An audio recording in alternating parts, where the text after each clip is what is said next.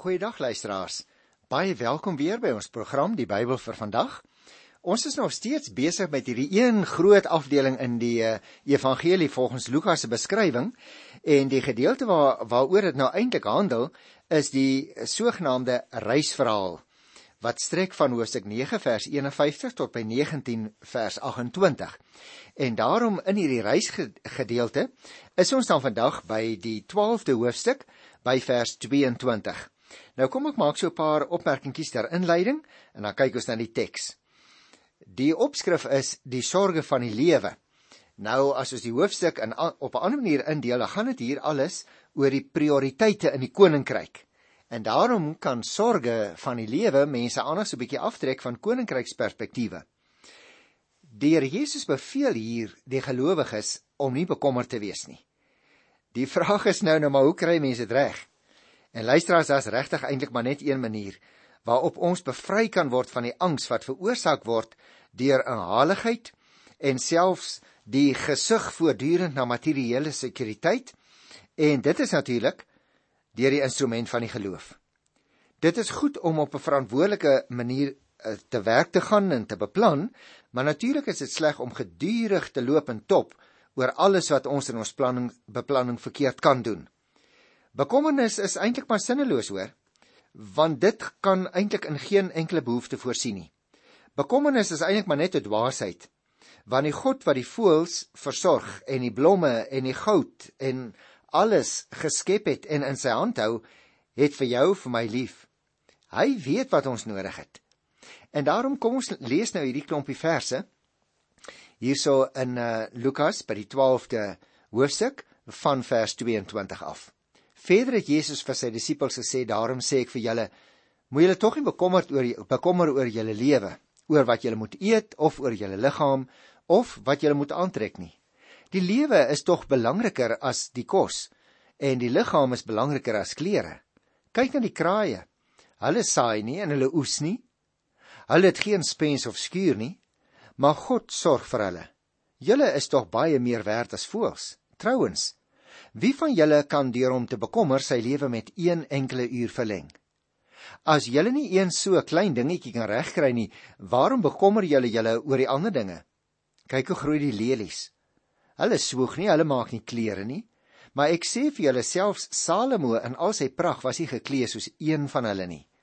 As God die gras van die veld wat vandag nog daar is en môre in die vuur gegooi word, so mooi maak, hoeveel te meer sal hy vir julle sorg, klein gelowiges? Julle moet julle ook nie gedurig afvra wat julle gaan eet of drink nie, julle moenie besorg wees nie. Dit is alles dinge waaroor die ongelowiges in die wêreld begaan is. Maar julle het 'n Vader wat weet wat julle nodig het. Beywer julle vir sy koninkryk, dan sal hy julle ook hierdie dinge gee. Jy sien luisteraar, as jy jou in die eerste plek vir die koninkryk van God beywer, beteken dit dat die Here Jesus Here en koning van jou lewe is. Hy moet elke aspek en elke terrein van jou lewe beheer, selfs jou werk, jou ontspanning, jou planne, jou verhoudings. Mag ek vir jou vra, en die Bybel vra dit vir my ook. Is die heerskappy van God maar net een van die dinge waaroor jy en ek begaan is? Of is die koninkryk regtig die middelpunt van alles wat ons doen, alles wat ons sê? Is daar dalk sekere dinge in jou en my lewe wat ons van die Here al wil terughou? Want jy sien, hy is die Here en hy is die Skepper en hy wil graag voorsien in alles wat jy en ek nodig het. En natuurlik, hy wil ook vir jou en vir my lei in die gebruik van die dinge wat hy voorsien. Luister na vers 32 en 33. Moenie bang wees nie, klein kuddetjie, want dit was die wil van die Vader om die koninkryk aan julle te gee. Is dit nie fantasties nie, luisteraar? Verkoop jou besittings, gee bydraes vir die armes skaf vir julle 'n beurs aan wat nie leeg raak nie, 'n onuitputlike rykdom in die hemel, waar daar geen dief kan bykom en geen mot kan verniel nie. Waar julle skat is, daar sal julle hart ook wees. Luisteraar, ek dink dit is baie duidelik as geld die einddoel in 'n mens se lewe geword het, dan word jy eintlik daardeur vasgevang en gegreep. Jy word afgesny van God en van ander mense met behoeftes.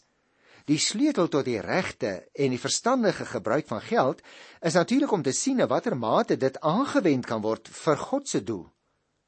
Nie net om te sien hoeveel ons vir onsself kan bymekaar maak. Hoeveel ons self nodig het vir eie gebruik nie. Raak die liefde van God ook jou beursie aan. Maak jou geld dit vir jou moontlik om oor ander mense te help. Want as dit die geval is, dan is jy besig om ewige skatte in die hemel bymekaar te maak en dit is baie belangrik. Luister aan vers 34. Waar julle skat is, daar sal julle hart ook wees. Ag natuurlik, 'n mens kan nooit die dinge wat jy doen losmaak van die dinge waarin jy glo nie. Jou prioriteite blyk duidelik uit die dinge wat jy bymekaar maak. As jou prioriteit beoordeel sou word op grond van wat jy met jou tyd, met jou geld en met jou energie doen, hoe dink jy wat sal die uitslag wees? In watter mate moet jy in die middels tot jou beskikking dat jy dit anders moet begin aanwend sodat die waardes van die koninkryk daardeur gehandhaaf kan word. Dis 'n groot vraag hè. Miskien moet jy en ek 'n slaggie so 'n bietjie rondom ons kyk en na alles wat ons besit kyk en vir onsself afvra, is dit regtig alles tot beskikking van die koninkryk? Nou dan kry ons hier nou in Lukas by die 12de hoofstuk van vers 35 af die gelykenis van die waaksame slaaf. Ons het dit so bietjie al daaroor gesels in Matteus en Markus, daarom gaan ek nie in detail daarop in nie, ek wil net sekere dingetjies uitwys. Wees gereed, die heupe omgord en die lampe aan die brand. Jy sien luisteraar, hierdie gedeelte is afgestem op die terugkeer van die Here as die seun van die mens, daar by die uitloop van die tyd. Die beeldspraak wat nou gebruik word, is in ooreenstemming met die gewoontes van daai tyd. En natuurlik het dit nou ten doel om gelowiges aan te moedig om waaksaam en getrou te wag op die terugkeer van hulle afwesige Here en om die kerkleiers ook te herinner aan hulle pastorale verantwoordelikheid. Jy kan gerus die gedeelte gaan lees. Ek gaan dit nou nie verder behandel nie omdat ons van tevore daaroor gepraat het. Ek wil liewer so 'n bietjie gesels hier van vers 49 af waar die opskrif is Jesus die oorsaak van verdeeldheid. Vers 49 sê ek het gekom om vuur op die aarde aan te steek en hoe wens ek dat dit al aan die brand is. Maar daar is 'n doop waarmee ek gedoop moet word en dit sal my heeltemal in beslag neem totdat dit afgehandel is. Nou dis baie belangrik dat dit hier geskrywe staan want jy sien die doop waarna die Here Jesus hier verwys is natuurlik sy kruisiging wat vir hom voorgelê het. En hier verwys hy nou na die ontsettende liggaamlike en ook geestelike pyn wat hy sou moes verduur. Toe hy uiteindelik deur sy mense verwerp is, juis die mense vir wie hy liefgehad het en selfs deur God alleen gelaat is om vir die sondes van die wêreld te betaal. Van vers 51 af lees ons: Dink julle dat ek gekom het om vrede op die aarde te bring? Nee, sê ek vir julle, eerder verdeeldheid. Van van nou af sal daar 5 mense in een huis onderling verdeeld wees. 3 teen 2 en 2 teen 3. Hulle sal verdeeld wees vader teen seun en seun teen vader, moeder teen dogter en dogter teen moeder, skoonmoeder teen skoondogter en skoondogter teen skoonmoeder. Jy merk op luisteraars, die Here Jesus sê daar kom 'n tyd van geweldige verdeeldheid juis in gesinsverbande. Die Here Jesus sê, lyk dit vir my met hierdie vreemde en ontstellende woorde, dat sy koms dikwels tot konflik lei tussen mense. Jy en ek moet baie goed verstaan die Here Jesus vereis eintlik van ons reaksie.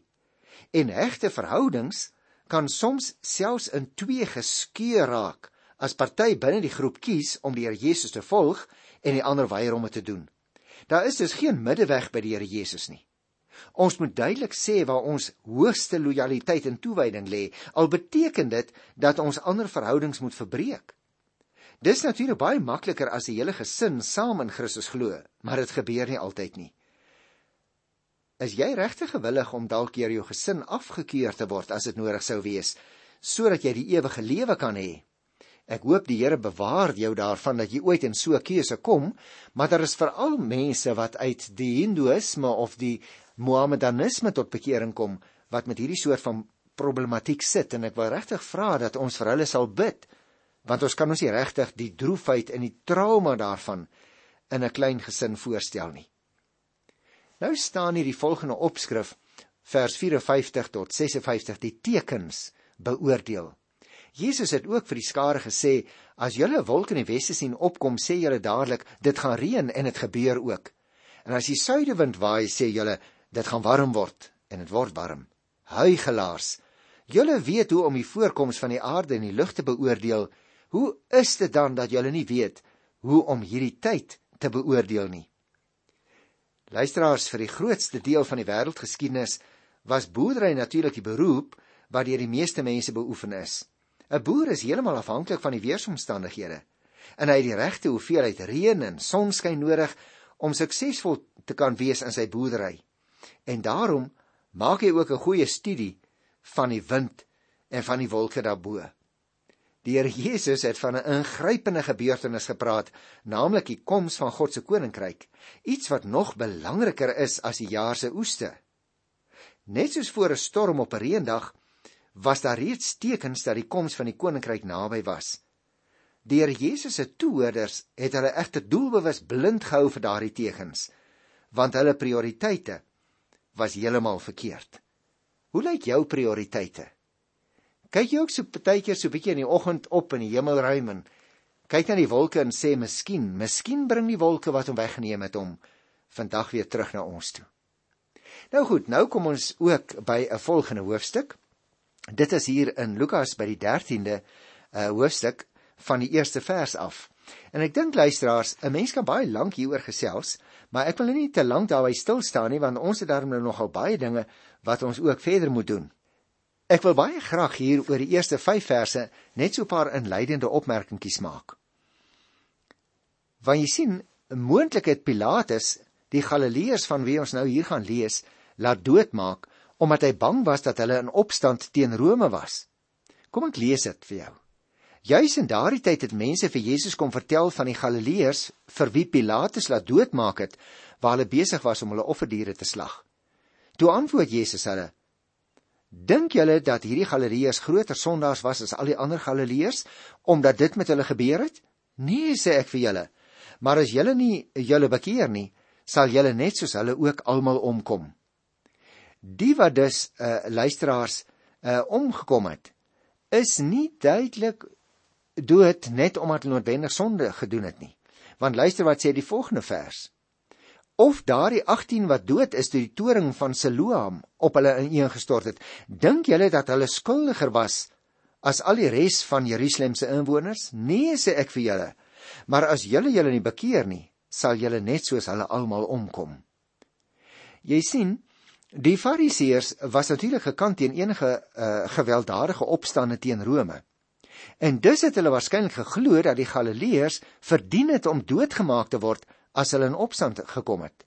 Die Selote wat nou natuurlik 'n anti-Romeinse terroriste groep was, het dalk weer gesê dat die mense by Siloam verdien het om te sterf omdat hulle met Rome saamgewerk het. En nou sê die Here Jesus egter dat nie een van die twee groepe, nie die Galileërs of die Siloamwerkers, gedood is omdat hulle noodwendig iets verkeerd gedoen het nie. Die Jode moes maar net ophou om daaroor te redeneer. En almal moet liewer aan hulle eie lewens dink en hulle bekeer. Alle mense luisteraars is mos sondaars en as hulle hulle nie bekeer nie, sal almal net soos die Galileërs omkom. Die omkom woordjie wat die Here Jesus hier gebruik, Daarmee kon hy natuurlik verwys het na die verwoesting van Jerusalem ook. Maar meer waarskynlik praat hy hier van die eindoordeel. En daarom staan hier dat as die toring van Siloam nie op hulle ingestort het nie, dink julle dat hulle skuldiger was as die inwoners van Jerusalem? Nee.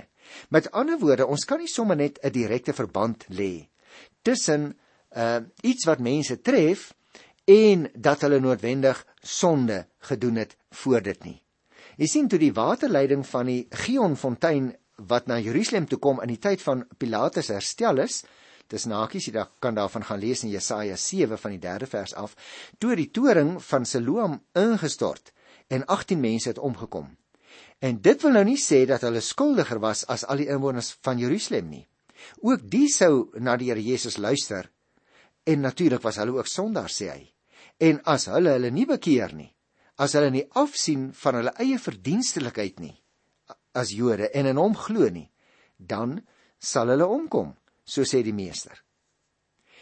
Kom ons lees vers 6 en vers 7 wat handel oor die gelykenis van die onvrugbare vyeboom en 'n mens kry hierdie verhaaltjie net hier in Lukas. Daarna het Jesus hierdie gelykenis vertel. 'n Man het 'n vyeboom gehad wat in sy wingerd geplant was. Toe hy vrugte daarom kom soek, maar niks kry nie, sê vir die tuinier: "Kyk, dis nou 3 jaar dat ek aan hierdie vyeboom vrugte kom soek en ek kry niks nie. Kap hom uit." Waarom moet hy langer die grond uitput? Dis baie interessant want 'n vrugbare boom word dikwels in die Ou Testament as 'n simbool van heilige lewe gebruik. Jesus sê hier wat gebeur met die ander boom? Met ander woorde, die een wat 'n plek vol staan, maar niks voortbring vir sy tuinier nie. Dit was een van die maniere waarop Jesus sy luisteraars gewaarsku het dat God nie hulle gebrek aan produktiwiteit vir altyd sou duld nie. Berou luisteraars is noodsaaklike bestanddeel van Christelike toewyding. Ons moet ons bekeer van ons verkeerde lewenswyses en ons moet ons tot God wend. Reageer op die tuinier se geduld en sorg en berei jou daarop voor om vrug te dra deur elke dag vir die Here te lewe. En daarom word die oproep hier verskerp. Dit was naamlik die gewoonte in Palestina om ook ander bome in 'n wingerd te plant. Die gelykenis handel nou oor 'n vyeboom in 'n wingerd. En die landbouer, so lees ons, het nou al 3 jaar lank te vergeefs kom vrugte soek aan hierdie vyeboom. Nou moet die tuinier die boom uitkap. Want waarom moet die grond langer daardeur uitgeput raak? Vers 8 sê: "Maar die tuinier antwoord: Meneer, laat hom nog hierdie jaar staan. Ek sal die grond rondom hom om, omspit en bemes." Miskien, miskien sal hy dan volgende jaar vrugte dra, maar so nie, dan kan u hom uitkap. Dis asof hierdie tuinier kom intree by die eienaar van die grond, né? Hy vra vir die landbouer om die boom nog 'n kans te gee. En die tuinier sal in die grond rondom die boom omspit en dit bemes, en as dit nog nie vrugte dra nie, sê hy, dan moet dit maar volgende jaar uitgekap word. Die vrye boom is natuurlik 'n beeld van die Joodse volk. God het die volk 'n volle tydperk gegee 'n betekenis van 3 jaar. Lees ons hier.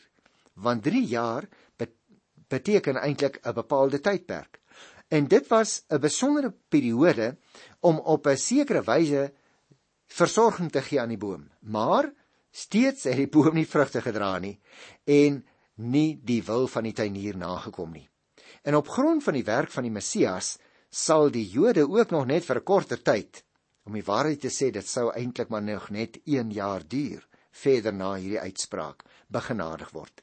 Indien hulle dan nog nie hulle tot die Here bekeer het nie, dan, so sê die Here Jesus, sal die oordeel van God hulle tref. Kom ons lees nou uh die volgende gedeeltjie. Die opskrif daarvan is Jesus genees 'n gebreklike vrou op die Sabbatdag. Die vraag is voordat ons dit lees, hoekom is genesing as werk beskou? Maar jy sien die geestelike leiers het dit as deel van 'n dokter se werk beskou. En dit was natuurlik nou verbode om juis op die Sabbatdag te werk. Die hoof van die sinagoge kon nie verder as die wet sien nie. En daarom het hy die Here Jesus se medelee met die vrou nie raak gesien nie. Jesus het hom en al die ander leiers laat skaam kry deur op hulle skynheiligheid te wys. Hulle het hulle beeste op 'n Sabbat losgemaak en versorg, maar hulle het geweier om hulle te verbly wanneer 'n medemens uit die mag van die Satan bevry is. Kom ons lees dit. Een keer op 'n Sabbatdag was Jesus in een van die sinagoges besig om die mense te leer. Daar was ook 'n vrou wat al 18 jaar gelei het onder 'n bose gees wat haar heeltemal verswak het. Sy was krom getrek en kon glad nie meer regop kom nie.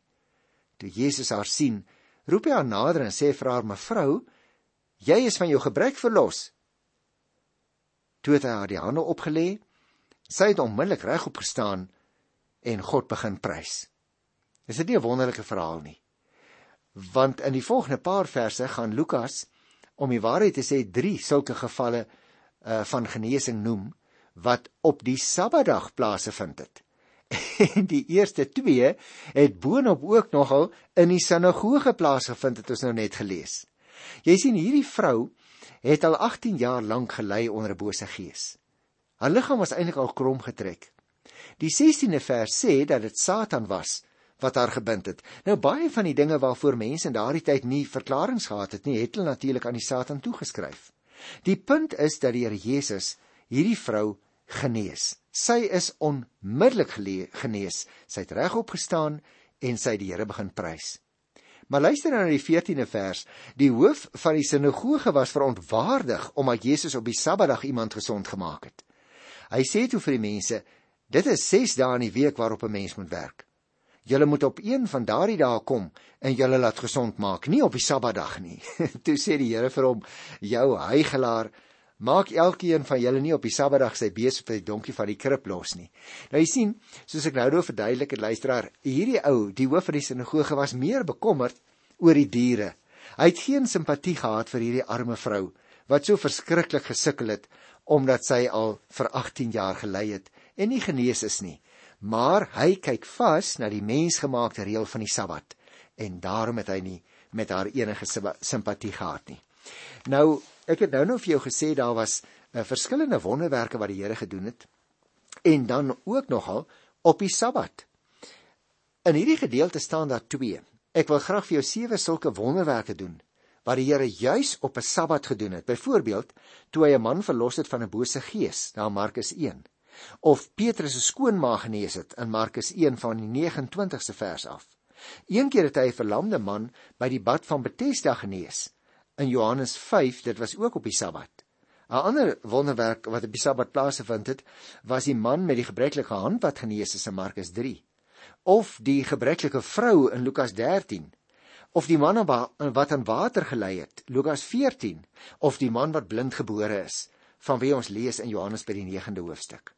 Nou ek dink ek wou net 'n oomblik dit noem en daarby stil staan omdat jy sien luisteraar die godsdienstige leiers van die Jode was baie streng op die hou van die Sabbat en volgens hulle beskouing het dit dan ook beteken dat 'n mens nie iemand mag genees as dit Sabbat is nie omdat dit sou beteken dat jy gewerk het is interessant. In die vier evangelies lees ons egter 7 keer, die kere wat ek nou net genoem het, hoe die Here Jesus mense op die Sabbat genees het. En daardeur het die Here Jesus die godsdienstige leiers uitgedaag om weer na die sin van hulle eie wette te kyk en hulle self te vra na die doel daarvan. Verheerlik dit regtig God? O ja, dit verheerlik hom as mense wat in nood is, selfs op die rusdag gehelp kan word. Sou God tevrede gewees het indien die Here Jesus hierdie mense se nood geïgnoreer het? Nee, heel waarskynlik nie. En daarom luisteraars, is dit so belangrik dat ons sal leer dat die Sabbat vir die mens gemaak is en nie die mens vir die Sabbat nie. Met ander woorde, ons hoef nie swaar te kry onder 'n klomp reëls wat ons probeer nakom omdat ons die Sabbat wil heilig nie. Nee, die Sabbat is gegee om te rus gegee as 'n dag van afsondering waarin ons ons met die Here en in die Here kan verbly. En daarom wil ek afsluit by Hoofstuk 13 met die Here Jesus se klag oor Jerusalem. Ek gaan dit kortliks doen want ons het dit ook in Matteus 23 gedoen. Jerusalem, Jerusalem staan in vers 34. Jy wat die profete doodmaak en die boodskappers stenig wat aan jou toe gestuur is, hoe dikwels wou ek jou kinders bymekaar maak soos 'n hen haar kuikens onder haar vlerke, maar julle wou nie. Kyk, nou word julle stad aan julleself oorgelaat. Maar ek sê vir julle, julle sal my sekerlik nie sien totdat die dag kom wanneer julle sal uitroep: Loof hom wat in die naam van die Here kom nie. Wonderlike verse wat hier staan. Maar ek dink broer en suster, dit is vir ons belangrik om miskien net dit te sê. Jerusalem was die grootste stad in Israel, die geestelike en ook die politieke hoofstad, en ook die stad wat ten nouste met die Messias vereenselwig is. Jerusalem was egter ook bekend daarvoor dat hy God se profete verwerp het.